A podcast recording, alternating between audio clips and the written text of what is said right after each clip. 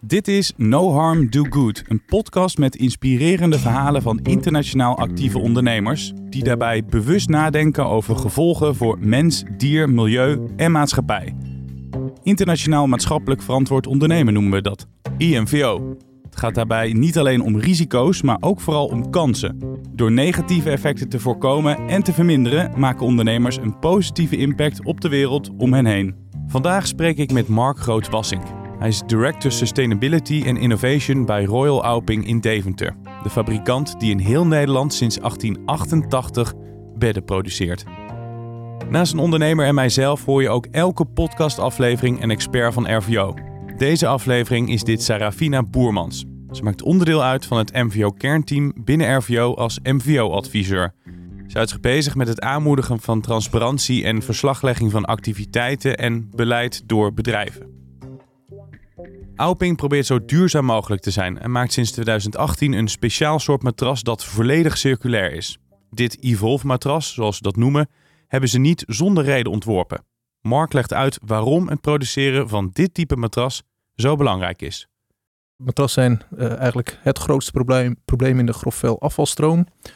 Uh, nou, ik zit, we zitten nu in Amsterdam en daar worden matrassen vrij makkelijk op straat gezet als je er klaar mee bent. Die worden zoals het nu, het regent buiten, dan worden ze nat en dan, uh, nou, dan zijn ze eigenlijk, kun je er niks meer mee. Ze worden heel zwaar, ze worden lastig te verwerken. Maar zelfs als ze niet nat zijn, dan zijn ze um, ja, een groot probleem in de afvalstroom. Met name vanwege de materialen die erin zitten. Nou, wat we net al zeiden, wij zijn een koninklijk bedrijf. Dus wij denken van nou, wij moeten zorgen dat de producten die wij maken ook aan het eind van de levensduur geen probleem opleveren voor de maatschappij. Dus we hebben een matras eigenlijk zo gemaakt dat, uh, dat die eenvoudig uit elkaar te halen is. En alle materialen die je dan hebt, kun je weer hergebruiken voor een nieuw matras. En dat is eigenlijk wat wij circulair noemen. Dus um, dat je eigenlijk geen uh, afvalstromen meer hebt vanuit je product. Geslo ja, de... Gesloten loop, zeggen ze. Ja, dus als ik vraag waarom zijn jullie mee begonnen, dan was dat ja. echt die, die afvalberg dat jullie ja. wilden tegengaan. Dat was ja. een doorn uh, in het oog. Anderhalf miljoen in Nederland en 35 miljoen matrassen in Europa. Dus dat is ja, substantieel. Ja. Zijn er veel die zich bezighouden met uh, circulaire matrassenbouw? In de industrie is het nog niet zo bekend. Toen wij drie, vier jaar geleden voor het eerst, uh, nou eigenlijk op de grootste meubelbeurs van Europa, presenteerden wij een matras die je niet meer hoefde weg te gooien. Waarvan dus dat de waarde van het materiaal eigenlijk altijd behoud, behouden blijven. We zeiden een soort matras als grondstofbank, zou je kunnen zeggen. We presenteren dat en het was als een um, complete verrassing eigenlijk. Het woord circulair werd al niet helemaal begrepen. Dat is, dat is, dat is nieuw. En, maar überhaupt het denken van waarom zou je dat doen? Was het ook een beetje van op schuim. Wat een materiaal is wat wij niet meer gebruiken als nieuwe matras. Dus wij gebruiken polyester als schuimvervangers, zeg maar. Omdat het slecht te verwerken is. Um, waarom zou je dat doen? Uh, en, um, nou, en langzaam hebben wij dat verhaal verteld van de afvalfase hoort ook bij je verantwoordelijkheid. En um, nou ja, dus uh, dat was uh, dus nee, er zijn niet zoveel partijen mee bezig. Naast het produceren van volledig circulaire matrassen houdt Auping zich op nog veel meer manieren bezig met maatschappelijk verantwoord ondernemen in het buitenland. Dat zit in de kern van het bedrijf en Mark legt uit hoe dat zit eigenlijk drie pijlers in ons MVO of CSR-beleid. Dat is die, die circulaire pijler, waarbij de kern van ons bedrijf, de, ja, de producten die we maken, de afvalstromen enzovoort, dat dat zorgvuldig gaat. Dan hebben we de, ja, de energiepijler, dus dat gaat over uh, ons leasebeleid, de, het, het, energieverbruik, waterverbruik van, van de fabriek en dergelijke, en ons transport en, dat soort zaken. En het derde gaat meer over um, hoe wij omgaan met onze eigenlijk al onze stakeholders. Dus dat zijn onze uh, ja, collega's, um, maar ook um, leveranciers of uh, nou, van raad van commissaris tot winkeliers. We proberen voor iedereen eigenlijk een goede partner te zijn. Ik geloof heel erg dat het een, een nood, dat het een absolute uh, qualifier is om business te doen, om, om, om een interessant, relevant bedrijf te zijn in deze maatschappij. Ik ben al verantwoordelijk voor het MVO-beleid maar ik heb geen moment het gevoel dat ik anderen moet motiveren om dat soort keuzes te maken. Alpin maakt dus gebruik van drie pijlers: circulair, energie en de omgang met stakeholders. Mark noemt dit een echte noodzaak om een relevante onderneming te zijn. Saravina legt ons verder uit wat de voordelen zijn van IMVO voor ondernemers. Nou, we hebben het uh, bij MVO natuurlijk heel vaak over het uh, herkennen, voorkomen en verminderen of juist uh, wegnemen hè, van, van risico's.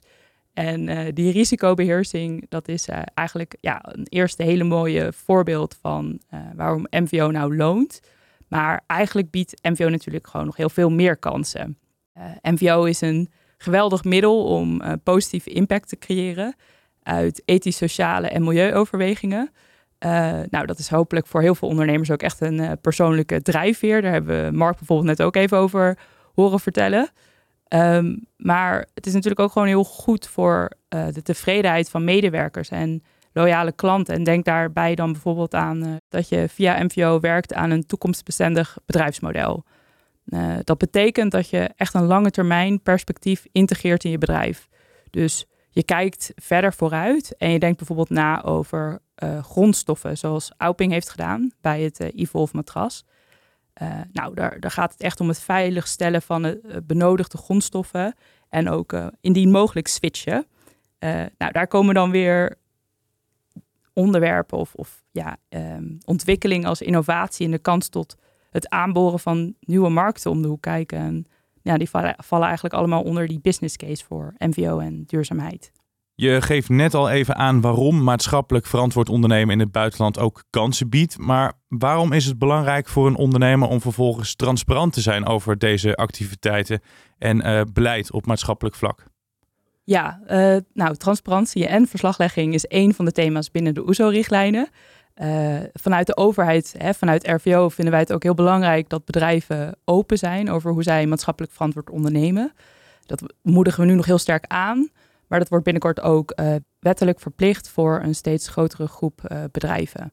En uh, naast ons is, voor, ja, daarbuiten is transparantie ook heel belangrijk voor stakeholders, als aandeelhouders, maar ook werknemers, belangengroeperingen en, en de consument. Een goede manier om transparant te zijn als onderneming is elk jaar een duurzaamheidsrapport publiceren waar iedereen in kan kijken. Dit is ook wel een Corporate Sustainability Report of kort gezegd CSR-rapport. Ik vroeg Mark of hij zich ook hiermee bezighoudt. CSR is dus een ding, dat, eh, dat, eh, dat, dat jaarverslag daarin ja, leggen we denk ik echt heel veel vast. Um, we zijn B Corp gecertificeerd, dus dat is een certificering die wordt gegeven voor, aan bedrijven die ja, purpose en profit goed gebalanceerd hebben. Dus het is ook echt de bedoeling dat je in je statuten een, een wijziging opneemt waarin je dat uitspreekt. Dus dat ook echt de eigenaren van de, van de, van de onderneming zich daaraan committeren. Patagonia, Triodos, uh, Tony Chocoloni, dat soort organisaties en B Corp. Nou, dat vraagt ook heel veel transparantie. Dus ook daar moeten wij bij wijze van spreken vertellen wat er gebeurt met het regenwater van ons pand.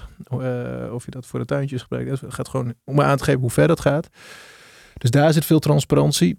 En wat misschien wel leuk is om te vertellen, is dat um, wij met die circulaire matras hebben we nou, eigenlijk een wereldwijde innovatie. We waren de eerste met zo'n type product. Um, daarvan hebben we ook gezegd dat iedereen mag weten hoe die gemaakt wordt en waar de materialen vandaan komen enzovoort. Dus als er concurrenten zijn die dit ook willen, dan mogen ze langskomen, vertellen wij hoe je dat ding maakt. Um, dat was ook in eerste instantie best wel een shock uh, in de industrie, maar uh, wordt langzamerhand wel begrepen, want het is wel te doen om um, ja, dat geldt denk ik voor iedere industrie. We moeten wel even een stapje erbij doen om, nou ja, denk ik, allerlei maatschappelijke problemen uh, niet groter te laten worden. Verslaglegging van maatschappelijk verantwoord ondernemen in het buitenland wordt steeds belangrijker. Binnenkort zelfs uh, wettelijk verplicht. Ik zie jou uh, even verslappen. Wordt, steeds, ja, wordt wettelijk verplicht voor een, voor een steeds grotere groep bedrijven. Wat gaat dat betekenen voor die bedrijven en, en voor jullie? Ja, nou, ja, je zag me wel even verkrampen. ja, dit is niet um, het, het, het, onderdeel waar, waar ik de meeste energie uit haal, of waar ik het voor doe, zeg maar, dat je een mooie verslaglegging hebt. Maar het is wel altijd heel, uh, als het eenmaal er is, dan is het wel heel uh, dankbaar en, uh, en mooi om te laten zien. Um, dus dat is op zich wel mooi.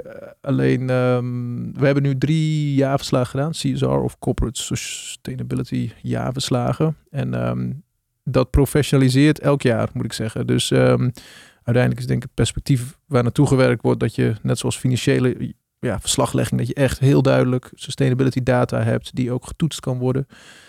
Nou, denk dat uh, ik heb nog weinig jaarverslagen gezien die, die echt in die buurt komen. Dus het is, uh, daar is echt nog wat werk te verzetten. Maar het is, waarom ik een beetje verkramp is, denk ik, uh, dat het is altijd wel een uitdaging om vanuit de hele organisatie al die relevante data op te hoesten. Want het gaat mega breed. En uh, als je daar nog. Ja, je hebt iedereen nodig. Ja, iedereen nodig. Ja. Dus het gaat over uh, bij wijze van spreken ziekteverzuim en veiligheid in de fabriek. Uh, van, we hebben geen ongelukken gemaakt, zo, of zo min mogelijk. Hoe ziet de supply chain eruit? hoe zijn de omstandigheden in de keten? Um, hoe, hoe, is de energiebewustzijn de, bij de, de winkels waarmee we samenwerken? Hoe gaat het met ja, de materialen die je gebruikt? Uit welke landen komt dat? Welke transportafstand? Door? Mega breed. We horen Mark net vertellen over de enorme uitdaging van het verzamelen van al deze data en de verslaglegging daarvan. Dan heb je het allemaal verzameld en dan wat? Waar moet je vervolgens op letten als ondernemer? Ja, ja, en leesbaarheid is denk ik ook altijd wel echt een uitdaging en ook, ook wel de kern. Je moet goed, als je begint met, het, uh, uh, met je verslaglegging, nadenken voor wie doe ik dit nou eigenlijk? Denk na over die stakeholders. Voor wie schrijf je dit? Is het leesbaar voor hun? Is de informatie makkelijk terug te vinden? Dat soort dingen, die moet je allemaal meenemen als ondernemer. Uh, en dat zou leuk moeten zijn, want eigenlijk vertel, nou, vertel je uh, uh, dingen die um, ervoor zorgen dat ja, je reputatie bijvoorbeeld verbetert. Maar tegelijkertijd is het lastig omdat je dus ook in moet gaan op dilemma's. En dat, daarbij kan ik me voorstellen dat dat voor sommige ondernemers lastig is. Hè? Je bent transparant over iets wat misschien niet zo goed is gegaan uh, ja, dat is een uitdaging, dat is spannend en dat maakt je ook wel uh, kwetsbaar. Hoe kun je dan bijvoorbeeld concreet werken aan een goede reputatie? Het is natuurlijk ook gewoon heel goed voor uh, de tevredenheid van medewerkers en loyale klanten. En denk daarbij dan bijvoorbeeld aan reputatie. Dus als je een, een onderdeel van MVO, hè, het, het hebben van een goede klachtenprocedure neemt als voorbeeld, dan kan je via die klachtenprocedure weten wat er speelt onder je stakeholders. En dat moet je ook weten. Dat moet je ook weten om dat te kunnen managen. Dus dan kan je bepaalde ja, misstanden of risico's voorkomen. Uh, en dat is altijd gemakkelijker en goedkoper dan uh, iets herstellen. Dus een, het hebben van een goede reputatie, dat, dat loont gewoon. En dat spreekt misschien ook wel een beetje voor zich. Heb je nog een tip voor een ondernemer die luistert en op zoek is naar goede voorbeelden van verslaglegging? Wij hebben een instrument bij de RVO, dat heet uh, Transparantie Benchmark. Een uh, instrument die de 500 grootste Nederlandse bedrijven aanmoedigt uh, om hun duurzaamheidsverslaglegging, hun MVO-verslaglegging te verbeteren. Dus als je zelf gaat beginnen met ja, MVO-verslaglegging, dan raad ik je aan om eens te kijken naar de hoge scorers uit die benchmark. Want naar, naar, hun jaarverslagen en hun MVO-verslagen. Kijken hoe zij dat hebben aangepakt. En dan vooral die in dezelfde sector als jij.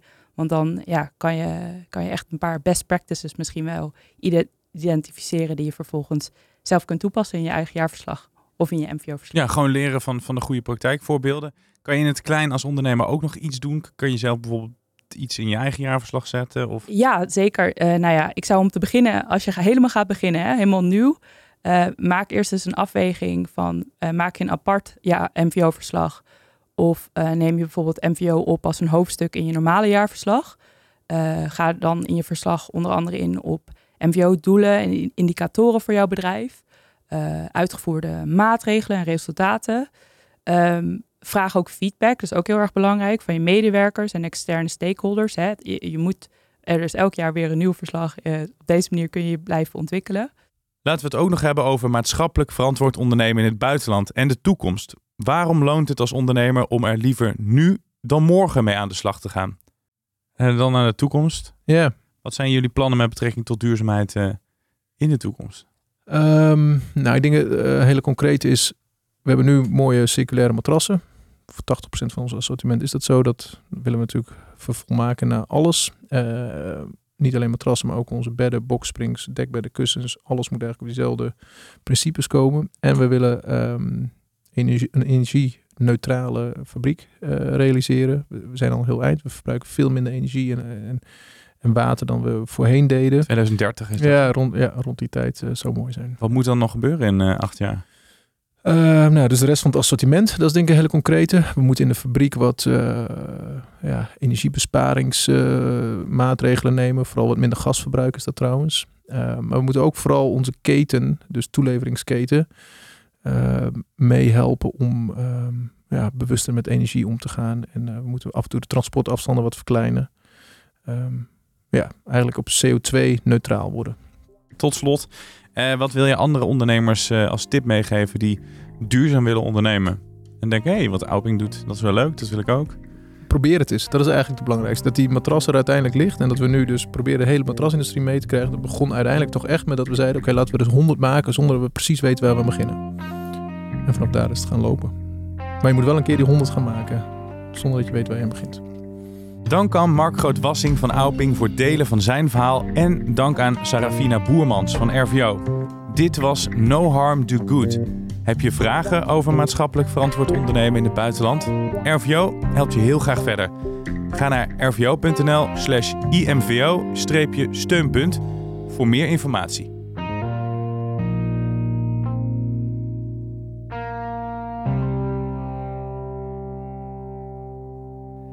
Wil je meer horen over verantwoord ondernemen in het buitenland? Luister dan naar de podcast Entrepreneurial Journeys. In deze serie vertellen ondernemers over de oplossingen die zij bieden voor wereldwijde sociale en ecologische uitdagingen. Hoe draagt ondernemerschap bij aan de grootste transities van onze tijd? Entrepreneurial Journeys nu te luisteren in je favoriete podcast-app.